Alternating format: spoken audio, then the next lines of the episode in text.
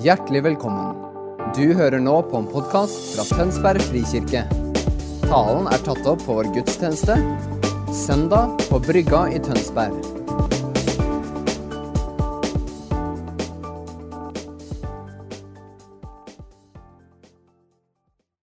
Først og fremst, tusen hjertelig takk for gaven til arbeidet.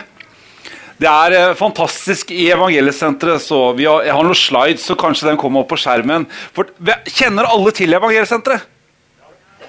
Jeg ser deres hender, så etterpå så er det forbønn. Det er en sånn luring, vet du.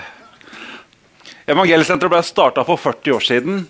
Men det begynte med en visjon Lise og Ludvig Carlsen fikk. Den bodde her i Tønsberg, de bodde i Valleveien eh, på Tolsrød. Og så hadde de vært alkoholikere og gått i Oslo i mange mange år. Eh, og så møtte de en levende Jesus. Og det er jo sånn, Vi har jo hørt vitnesbyrda i dag, men når Jesus flytter inn, så blir han levende. Og det som var dødt, våkner til liv. Så da skjer det noe på innsida. Og det skjedde hos Lise og Ludvig. Det fikk noe som var sterkere enn rusen. Noe som var sterkere enn ja, spriten den gangen. Og det var Jesus. Og da begynte ja, men vi må gjøre noe. Vi kan jo sitte på møte etter møte, tenkte Ludvig. Eller så kan vi agere. Og så Etter tre uker så begynte han å agere på det han hadde hørt. Så da tok en misjonsbefaling, så gikk han ut og så begynte han å forkynne evangeliet. Så han hadde vært litt sånn nyfrelst, så var han full i farta. vet du. Og så tenkte han ja, men jeg har jo mange venner i Oslo som sliter av rus. Så tok han eh, garasjen sin på Tolsrød. Så lagde han to rom der. Så flytta inn de første avhengige vennene hans. Og så fikk de møte en levende Jesus. Jeg tror vi alle trenger å agere på vår tro. For det er liksom, Når Jesus flytter inn, så flytter noe ut. Så vi går litt annerledes ut av det vi kom fra. Og Det var det Ludvig fikk oppleve, og Lise. Og Da begynte det å skje. Ja, men her er det jo noe. Det er noe som er født der. Og så begynner historien med at han reiser opp til Hamar, står i vekkelse der. Eh, 150-60-200 personer tok imot Jesus i løpet av en, en treårsperiode. Det ble vekkelse blant taterfolket, som jeg er en del av. Så jeg har lov til å si tater. Dere andre har ikke lov til det, men jeg har lov til det, for jeg er en del av det. Uh, og, og, det ble en vekkelse. Det ble starta flere menigheter ut av arbeidet til Lise og Ludvig. Men evangeliesenteret bare vokste inni han. Og i 83 så starta han på Roa. Det er lensmannsgården. Dette er jo på Østerbo, det er vårt største sted, men på Roa på Hadeland starta det. I dag har vi fem rehabiliteringssenter, vi har inntakssenter, vi har 18 kontaktsenter. Skal vi se noen mer bilder? I fjor delte vi ut 850 tonn mat. 500 av de tonna ble delt ut i Oslo alene. Hver uke så blir det mennesker sendt inn til rehabilitering fra et av våre kontaktsenter. Forrige uke så sendte Daniel her i Tønsberg Det er jo noe som dere er med og støtter. Sendte én jente inn til rehabilitering. Det var forrige uke. Og i morgen så begynner en ny uke. Så må vi ha tro på at det skjer mer. For det er liksom med Gud. Og så kan jo dere som menighet også koble det på. og så Be for arbeidet og heie på arbeidet. Snakke varmt om det. Og som Daniel sa, fra du er motivert til du kommer inn, så kan det noen ganger bare gå 24 timer. Det er det som er hjertet i Evangelsenteret. Vi skal få dem fort inn til et forandra liv. Det er det det handler om. Så Det er dere med som menighet. Og du som ser på på TV, du er også med på det. Når du er med og gir til arbeidet der, så er du med på det. Og tusen takk også for gaven dere ga til oss før jul.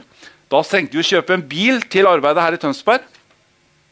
Og Jeg og Daniel vi snakka om dette rett før uh, året var over, og så så vi på kontoen. Og det er alltid skummelt når vi ser på hva er kontoen sier.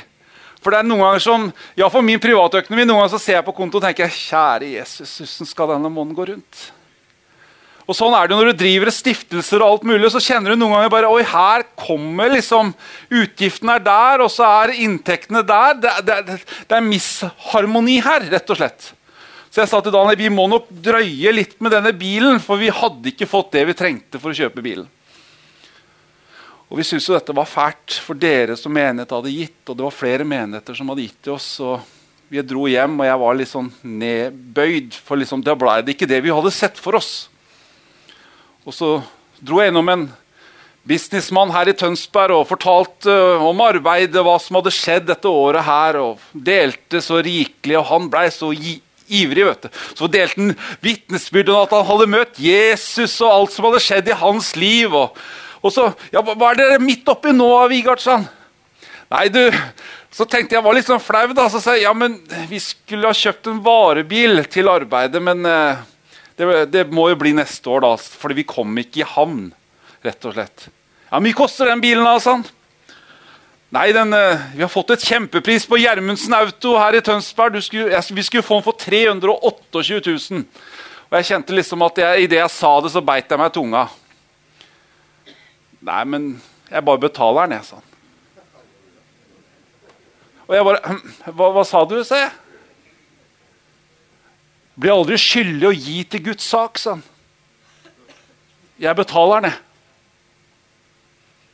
Og Jeg kjente tårene rørte med meg, og jeg kjente hvordan noen kobler på arbeidet til liksom, De går den ekstra mila, for de, de ser verdien av å redde den enslige gutten, den enslige jenta som går rundt her i byen. Og det er det vi alle er kalt til, å se den ene. Ja, for vi kan jo Ja, tilsynelatende så ser jeg ganske pen ut. Det må vi være enig i. Jeg har jo på meg ordentlig dressjakke, og jeg har vest i dag, og jeg ser jo ordentlig, ordentlig ut. Men jeg vet at her ute i gatene her i Tønsberg så går det mennesker som har ikke de samme forutsetningene som vi har. Og jeg vet at det er foreldre som går rundt og leter etter døtrene sine, etter sønnene sine. Bare få et blikk. Hvordan går det med deg, gutten min? Jenta mi? Og det er vi som menighet også kalt å være et fyrlys og peker på at Jesus er veien, Jesus er sannheten, og Jesus er livet. Da kommer vi ikke med en religion, vi kommer med en levende relasjon. Og Det er det vi lengter etter å formidle. Og Det er det Evangeliesenteret har nå i 40 år. Nevnt en levende relasjon av en levende Jesus. Dette er dere med på. Og Jeg skulle tro dette var kollektalen, men det, det, dere har allerede gitt. Men det er lov til å gi mer. Men takk for gaven. Fikk dere et lite innblikk, og jeg er jo da, som dere skjønner, en predikant som ikke liker å stå i ro. Jeg liker å bruke armer og bein. Men jeg er dessverre ikke en tidligere rusmisbruker, var det en av våre ansatte som sa. Og jeg er også en av dem. Men jeg trengte Jesus allikevel trengte å møte hans kjærlighet. Jeg trengte å bli kjent med han som pappa. Jeg måtte ha min identitet i Kristus. For vi legger vår identitet i så mange ting, gjør vi ikke det? Men jeg vet at det momentet jeg legger min identitet i hvem jeg er i Kristus Jesus, så er det noe som forandrer seg på innsida. For da er jeg plutselig ikke den som har blitt kasta ut, den som har blitt mobba, den som har blitt prikk, prikk, prikk. Jeg er den hva Gud har sagt jeg er. Jeg er Guds barn. I dag har jeg mange bibelverser, og jeg har fått en taletekst, og den skal vi være innom. Ja, ja, vi skal være innom en, altså. Ta det med ro. Og jeg skal tale litt om identitet. Har vi lyst til det? Det, det kommer nå, altså. Og jeg er jo, som dere skjønner, litt karismatisk, så det skal nok gå bra. Ja, jeg er det, altså. Det er noen som tenker 'hva er han der?' Men ja. Jeremia 29, 11-13 er noen kjente vers. For, for jeg vet hvilke tanker jeg har med dere, sier Herren. Fredstanker og ikke ulykkestanker. Jeg vil gi dere framtid og håp. Når dere kaller på meg og kommer, meg, kommer for å be til meg, vil jeg høre på dere.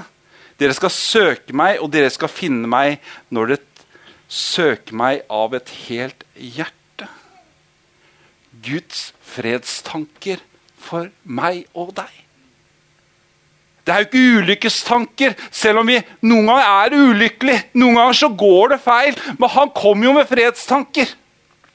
Han har en større plan enn du kanskje ser i det synlige da. Gud har noe større for deg. Han ønsker å føre deg over i noe nytt. noe. Noe sterkere, noe der du kan bare ikle deg Kristus. Ja, takk, pappa. Jeg er hva du har sagt at jeg er. Jeg er ikke hva alle andre har sagt. Og jeg satt i mine notater 'husk innestemme'. Jeg fatter ikke hvorfor jeg skriker. Jeg har jo mikrofon. Trenger jo ikke mikrofon når man skriker. Ikke rart jeg er hes etter hvert møte. vet du. Jeg er bare helt tom for Gud har fredstanker for deg. Han har en vakker framtid for deg og ditt liv. Han er den gode hyrden, og du er hans barn. Dine barn er også hans barn. La oss aldri glemme det. Dem du ber for, dine naboer, er også Mens vi enda ikke kjente han, så elsket han oss. Mens vi var langt vekk, så kalte han på oss. Og Det er det Daniel har fått oppleve, det er det jeg har fått oppleve. Og det er mange her som har opplevd det at du var langt bort, men Gud kalte på deg. For han ønska fellesskap med deg fordi du er hans barn. Hans dyrkjøpte barn. Står i Efeserne 2 at for han er vår fred, han som gjorde de to til ett og rev ned muren som skilte fiendskapet. Ved sin kropp har han opphevet loven med dens bud og forskrifter. Slik stilte han fred da han skapte et nytt menneske. Det, det var et skille der. Det var et fysisk forheng også. Du kunne ikke komme inn i det aller helligste. Det var noe som skilte. Og så var det da den ene presten den ene gangen i året som skulle ta på seg all verdens liksom hele jødefolkets synd. da. Og Så skulle han gå inn der, og så Men han, han, visste ikke om han hadde gjort alt riktig, da. så han hadde jo tau rundt beinet, så hvis han falt død, så kunne ikke noen gå inn og hente den. Nå måtte de dra ut denne presten som falt død innenfor Guds trone. Men i det momentet når Jesus sa 'det er fullbrakt', så blei det som skilte oss å komme inn i Guds nærhet, det blei delt i to. Og så fikk vi tilgang inn i det aller helligste. Det er det vi har fått tilgang til.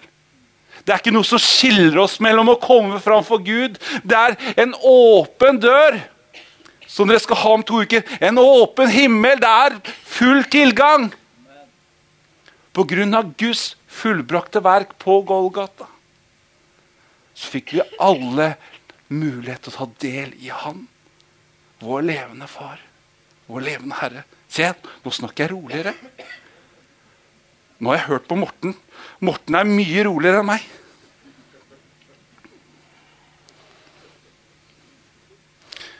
Jeg har jo vært innom oppvekst og Jeg er jo som sagt ikke tidligere rusavhengig. Men eh, gjennom hele oppveksten så ble jeg veldig mobba. Jeg er oppvokst i Holmestrand veldig stor del av året. Eller året. Livet. Ja, året òg, for så vidt.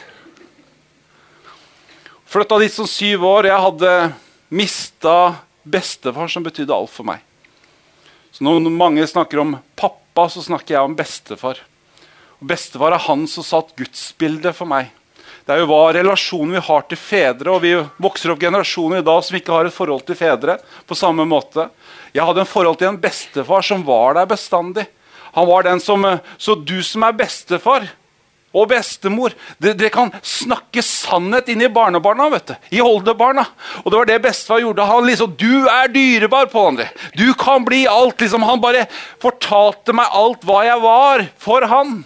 Og jeg kjente liksom Oi, bestefar, det må være det nærmeste som Gud. Og så døde han som betydde alt for meg. Og jeg flytter til Holmestrand. Og jeg blei mobba fra første skoledag til jeg gikk ut av barneskolen. Og det satt så dype spor i min identitet. Så mobbing ja, Det kan man snakke om mange ting om, men jeg kjente meg så nedbøyd. Jeg var jo i menighet, jeg var jo i levende menighet, men likevel så var det noe sår på innsida som har rørt med min identitet gjennom hele, hele livet. I dag er jeg jo 43 år. Og sliter fortsatt kanskje med litt avvisning, for jeg opplevde så mye avvisning i barneskolealder. Så det satt sine preg. Og jeg vet Derfor det er så viktig å snakke sant. For jeg tror det sitter mennesker som ikke føler seg bra nok fordi de har gjort noe eller noen har sagt noe. Så har du en identitet at du er mindre verd. Men så har jeg så gode nyheter i det. da.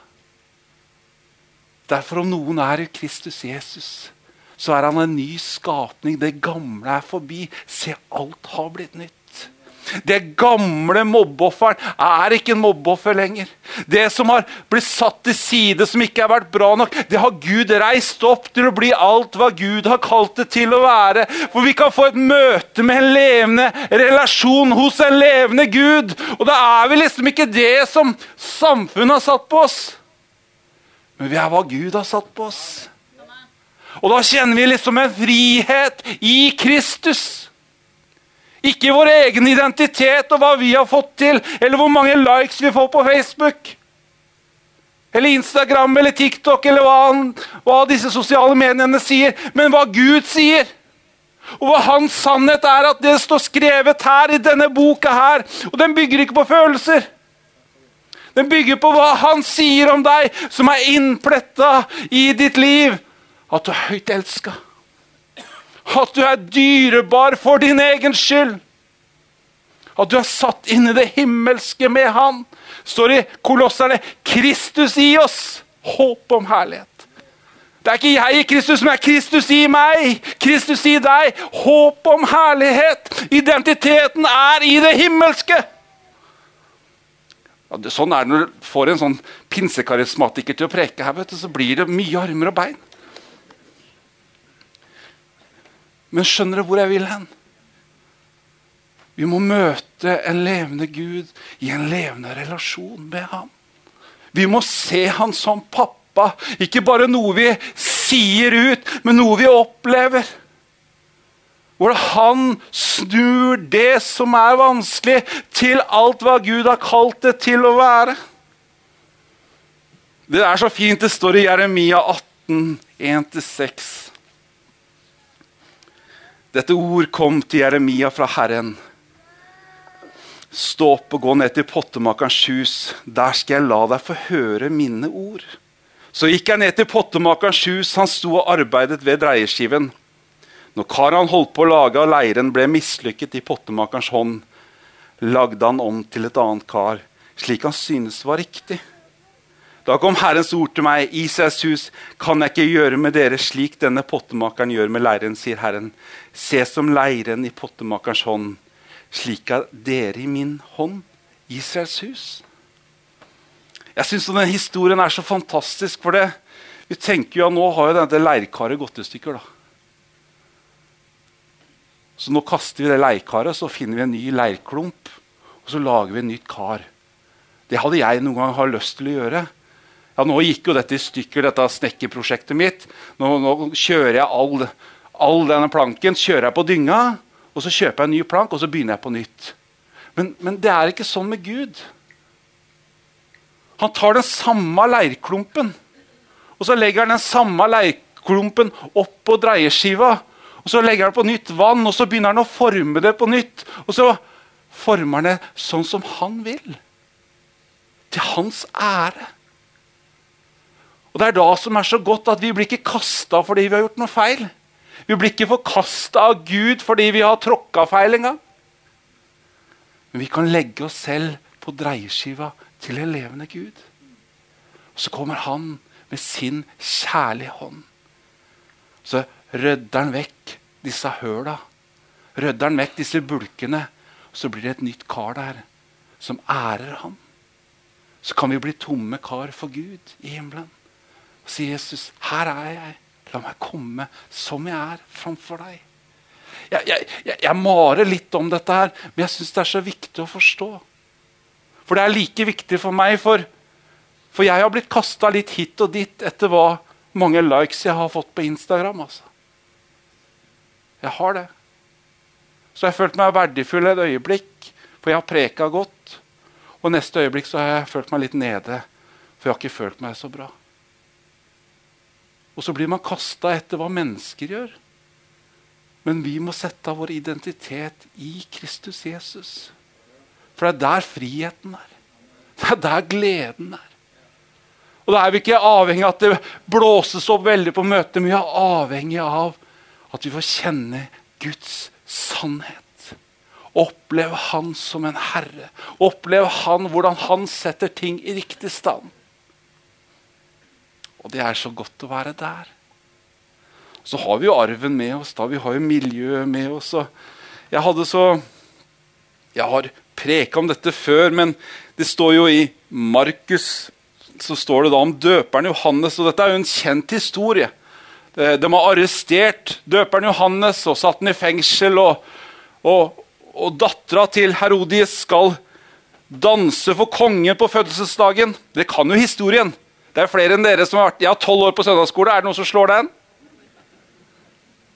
Ja, det var noen som slo meg, ja. Der ser du. Men, men den, den, da skulle dattera danse. Og Så leser vi litt ned i Markus 6 der.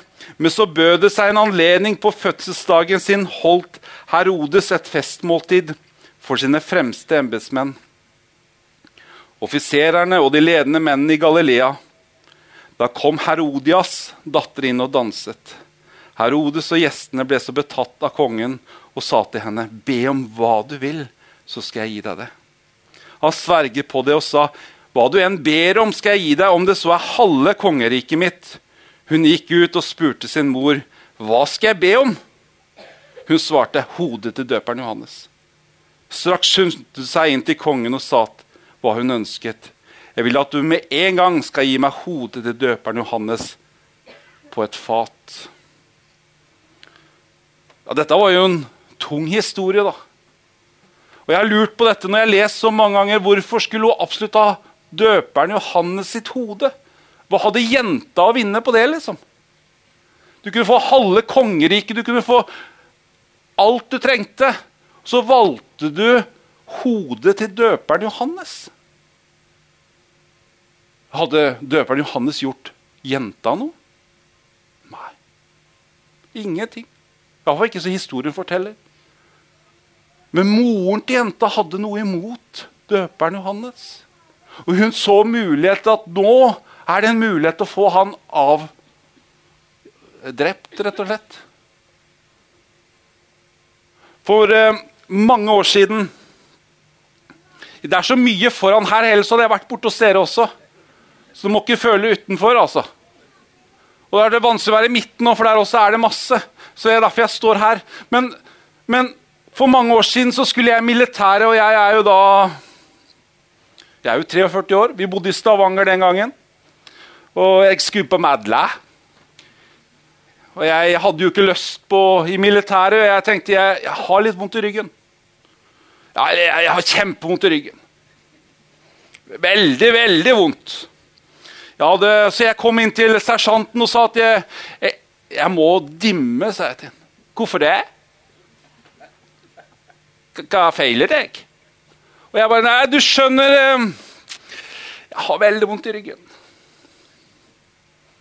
Jeg har vondt å gå opp bakker, sa jeg, og jeg har vondt å gå ned bakker. Sove i telt er helt umulig, det har jeg aldri gjort. Campervogn sådan, men aldri te i telt. Det går ikke. Og ikke kan jeg gå med oppakning. Og jeg liksom la ut i det vide og breie hvor vondt jeg hadde i ryggen. Er du uføretrygda? Nei, nei, nei, jeg er jo ikke det, sa jeg. Jeg er jo 19 år, og livet ligger foran meg. Jeg jobber fulltid. Jeg er salgsleder i et firma, og jeg, jeg tenkte dette er jo sånn skryte, det er sånn jobbintervju, så nå må vi skryte hva vi kan. Og jeg fortalte deg hvor mye jeg jobbet, og hvor mye jeg tjente, og hva jeg holdt på med. da. Ja, Men er du så syk at du ikke kan gå i militæret? Sånn. Skal ikke jeg prøve å skarre noe mer her. Men, uh, så jeg sa liksom, Jeg skjønte jo liksom hvor han ville hen. At uh, nei, jeg, jeg, klarer jo litt, grann, da, som du skjønner, sa jeg. Ja, du jobber jo veldig mye, sa han. Og du skryter jo hvor flink du er, og hva du står på, så Du klarer nok militæret, gutten min, sa han sersjanten. Og jeg tenkte filler'n. Jeg som ikke hadde lyst. Men så hadde jeg et kort til i lomma. For jeg er jo, som jeg sa i stad, av taterfamilie. Så jeg dro opp det kortet der. Du skjønner seg, jeg er tater. Omstreifer. Så flott for deg. Nei, du hører ikke hva jeg sier. seg. Og Jeg fikk liksom øyekontakt med sersjanten, og så begynte jeg å legge ut da. hva staten har gjort med min familie. I generasjoner. Tvangssterilisering, lobotomi. Jeg bare delte ut at liksom hva det norske samfunn har gjort. Derfor kan jeg ikke gå i militæret. Jeg ble dine foreldre tvangssterilisert, sa han.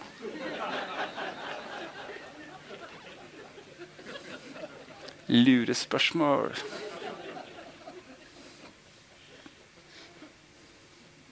Så sa han noe til meg som jeg har tenkt på siden jeg var 19 år.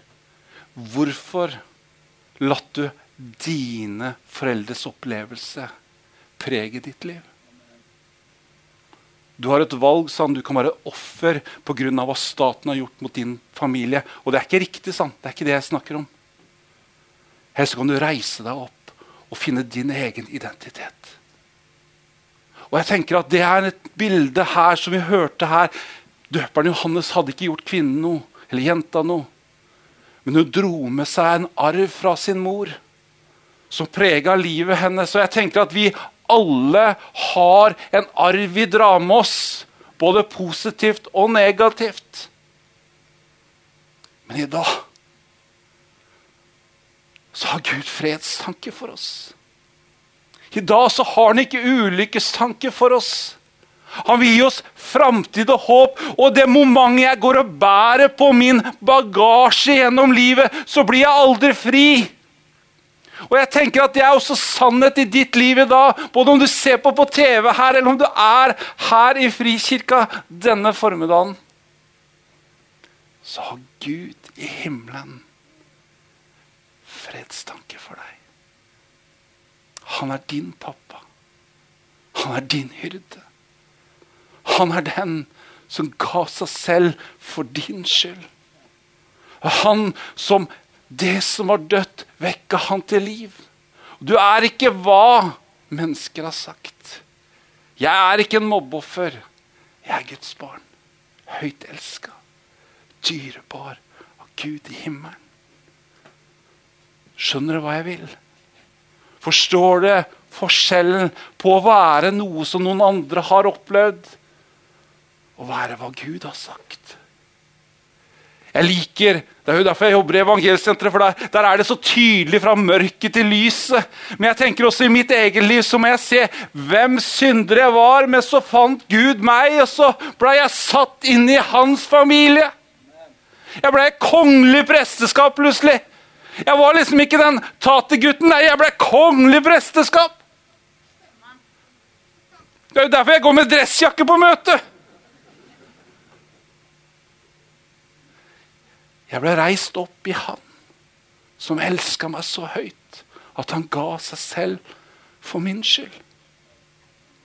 Begge hans hender så hadde han tegnet både deg og meg. Det er den Jesus vi forkynner her i formiddag. Det er den pappaen og hans kjærlighet til deg og til meg. Dette må jeg si går bra. Det var innafor. Ja, jeg skulle hatt liksom applaus, det var egentlig det jeg venta på, men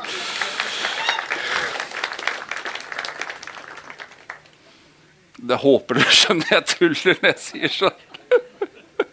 Som møtelederen sier jeg liker å ha en ledig, ledig måte å forkynne på. For gleden i Herren er min styrke. Jeg har ikke teologisk bakgrunn, men jeg har tolv år på søndagsskole. Men jeg har møtt en levende Gud. Og jeg vet at det er det menigheten her elsker også. Relasjon med en levende Gud. Og da er det ikke så strengt lenger. Da er det nådefullt. For da ser vi at vi har elska en himmelsk far som elsker oss.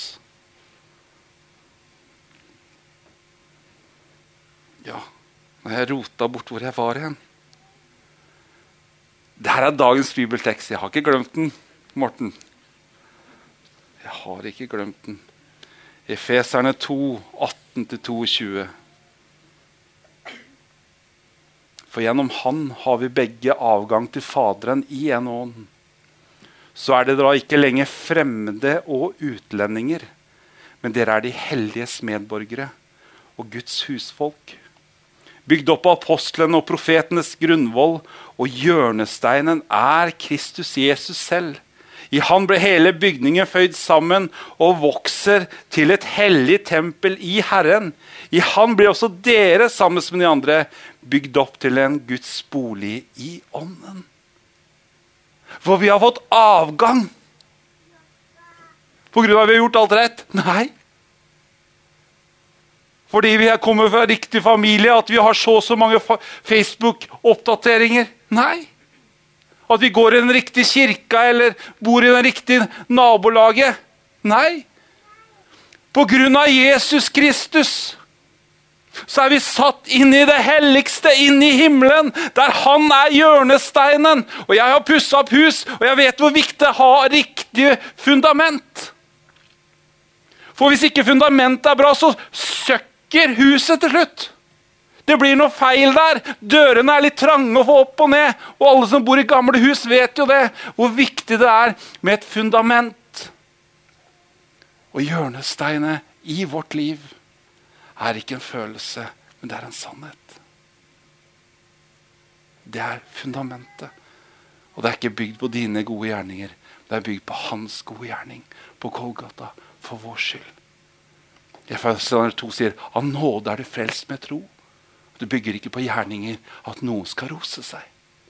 Og Det er så godt å tenke bare halleluja.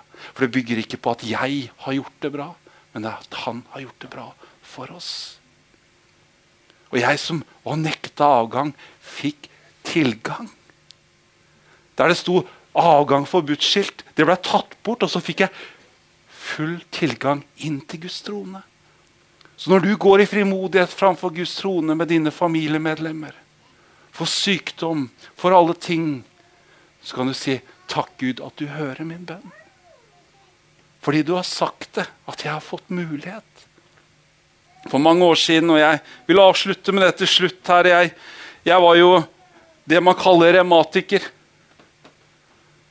Jeg, jeg, jeg, hadde psoriasis leddgikt, jeg hadde bekkdrev, jeg hadde urinsyregikt, jeg hadde tre giktsykdommer. Så hadde du tippa på tippekupongen, så hadde jeg helgardering på den kampen. liksom. Jeg var 25 år, fikk tilbud om uføretrygd, og jeg følte meg ikke så verdifull. Jeg følte liksom Store deler av livet mitt var egentlig en kamp, for jeg gikk litt stort sett sånn. For Jeg klarte ikke å rette opp ryggen, og jeg gikk med stokk, og jeg fikk tilbud om uføretrygd i veldig ung alder. Og, og jeg nekta å ta det imot. Ikke for at jeg er så flink, men jeg nekta. Og jeg gikk fram til forbund mange ganger. og gikk slukøra ut av møter gang på gang og følte at jeg ikke var verdig, for Gud hadde ikke rørt med meg denne søndagen heller. Og jeg som likte å sitte langt fram på møtet, observerte at jeg bare havna lenger og lenger bak. Så ble jeg til slutt en tilskuer til det som skjedde der framme. Og Så satt jeg på et møte, og jeg satt helt bakerst i møtelokalet. og så var det da et større stevne, og det var mye som skjedde der. Jeg satt der med stokk, og jeg var liksom ja, litt uggen. Lettere sagt. Jeg var, følte meg liten, jeg følte meg ikke verdifull i hele tatt. Så kommer mamma. Det er som Daniel sa, det er noe med disse mødrene. 'Hei, gutten min. Er du på møte i dag?' 'Ja, jeg er her. Jeg har det ikke så bra.' 'Jeg ser det. Du er helt likbleik i ansiktet.' og jeg når du føler liksom livet går nedover, så hadde jeg treff bånd. Og da, da, gikk det ikke mer nedover, da gikk det bare bortover på bånd. Så det var liksom ikke noe håp igjen. Og jeg satt der bakerst og kjente at er dette livet, så orker jeg ikke være med lenger. Er det ikke noe håp hos Gud engang, så vet jeg ikke om jeg orker å være der heller. Så kommer hun, da. Hun som jeg elsker meg så høyt på tross av alt jeg har gjort. Så er det liksom noe med mammakjærligheten til meg, iallfall. Ja, men Pål André, bli med fram til forbønn. Det er godt å bli bedt for. Legge ned byrdene hos Gud. Nei, for jeg orker ikke da, mamma. Kanskje i morgen. Kanskje seinere. Vi hadde jo en observering i eget hode at eh, for å bli helbreda så måtte man ha blå Farris på møtet. Camphordrops. Ikke kjøre for fort og ikke krangle med kona og sitte langt fram. Og jeg hadde både krangla med kona, jeg hadde ikke Comfort og jeg hadde ikke blå Farris. Og jeg satt jo helt bakerst, så det, det, løpet var jo bare kjørt. Og hun så på meg og tenkte Tullete svar. Bli med fram til forbund, sa hun. Nei, slutt å mase. Ja, men Pål jeg ser du har vondt. Kan du ikke bli med fram? Og så er det sånn med oss gutter, eller iallfall sønner, da, til slutt så bare Ja, greit, mamma, jeg kommer. Og jeg gikk liksom mot uh, forbønnskøen der, og Og jeg hadde ikke lyst. Jeg hadde ikke noe tro. Jeg følte meg ikke bra, jeg følte meg ikke åndelig, jeg følte meg langt vekk fra Gud, egentlig. Og så var det så rart, i det møtet så var det ikke en stor predikant fra USA engang. Som hadde privatjet og sånne ting. Det var liksom en enkel bønnedame. Så kom bort til meg i sin enkle tro, og så la hun hånda på meg og så sa hun, I Jesus sår har du legedom. Amen, sa hun. Og jeg tenkte dette var god bønn. Den var kort.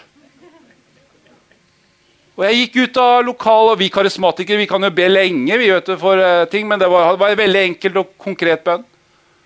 Og jeg våkner opp dagen etter smertefri. Jeg bodde jo i campingvogn da, og så jeg hoppa ut av campingvogna. Du gjør jo ikke det vanligvis når du er revmatiker. vet du. Og jeg hoppa ut og tenkte Hva er det som har skjedd?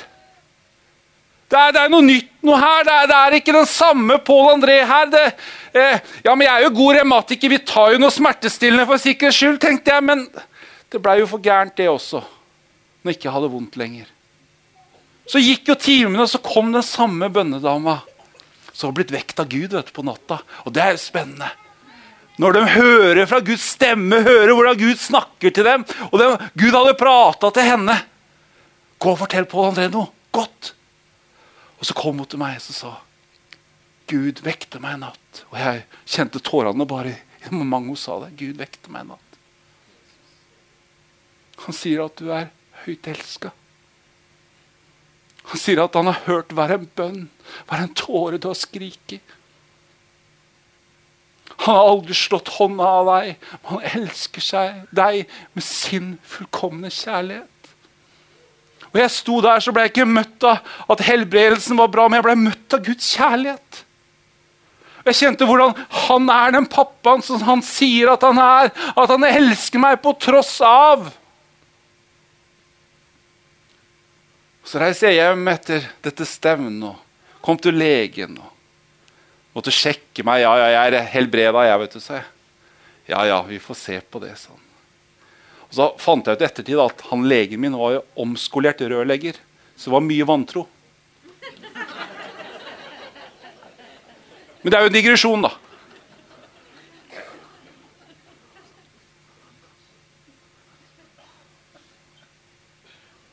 Så fikk han svar på prøvene. Så er det noen ganger med leger at de sitter og ser inn i skjermen og ikke ser på deg som pasient. Og han satte seg på siden av pulten. og Jeg holder det fast. Altså. Jeg skjønner at det er en ny opplevelse for mange. Og så så han på meg. Vigard, jeg har sett på prøvene. Du er ikke latent å være revmatiker lenger. Sånn. Hva har skjedd? Jeg har møtt en levende Gud i himmelen som fortalte meg hvem jeg var. Jeg møtte levende Gud i himmelen som tok mine sykdommer, min skam, langt vekk fra meg. Jeg har møtt en mann som kan sette meg i frihet. For det kunne ikke du, sa jeg til ham. Du har vært god lege, du. Skal ikke si navnet på han. Men du kunne aldri helbrede meg. Men det kunne Gud. Ja, det er mye ikke jeg aner sånn. Ja, det er det, se. Men jeg vet at det er en Gud i himmelen som også er her i formiddag. For han ønsker å lege. Han ønsker å gjenopprette. Han ønsker å snakke sannhet inni der, i det øyeblikket du har trodd på løgn. Det er en Gud i himmelen som er interessert i deg akkurat der du er. Fordi du er høyt elsket av Han som Gud. Kommer lovsangen på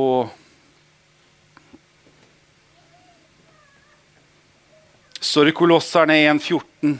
«Je- Jeg er tilgitt. Jesus har kjøpt meg fri. I Han har vi kjøpt fri og fått tilgivelse for synden.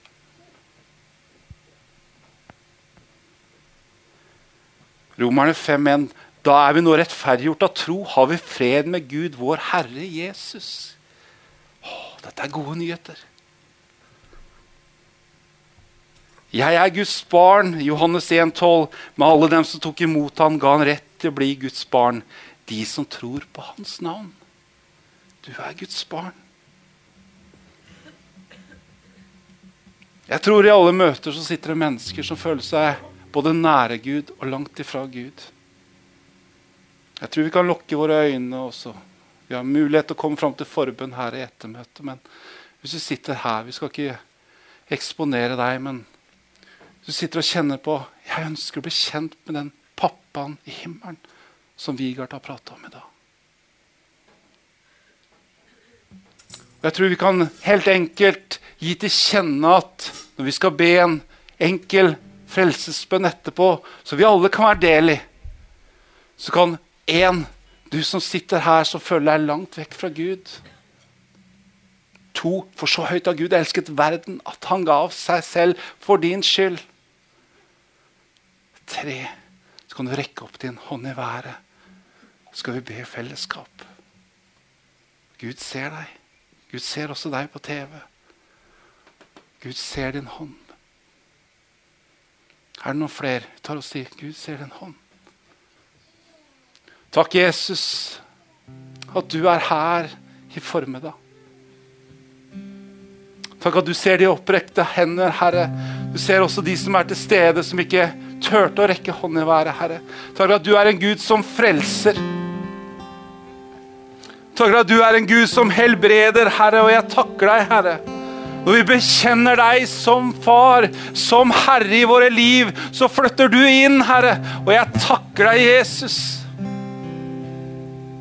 For mine søsken her i Frikirka i formiddag. Takk for at de ikke lenger er utenfor, Herre, men de er innenfor deg, Jesus. Takk at hvis du med din munn bekjenner at du er Herre, så er vi frelst. Og er vi frelst, så er vi Guds barn. Er vi Guds barn, så har vi tilgang til himmelen en dag, Herre. Takk, Jesus. I Jesu navn.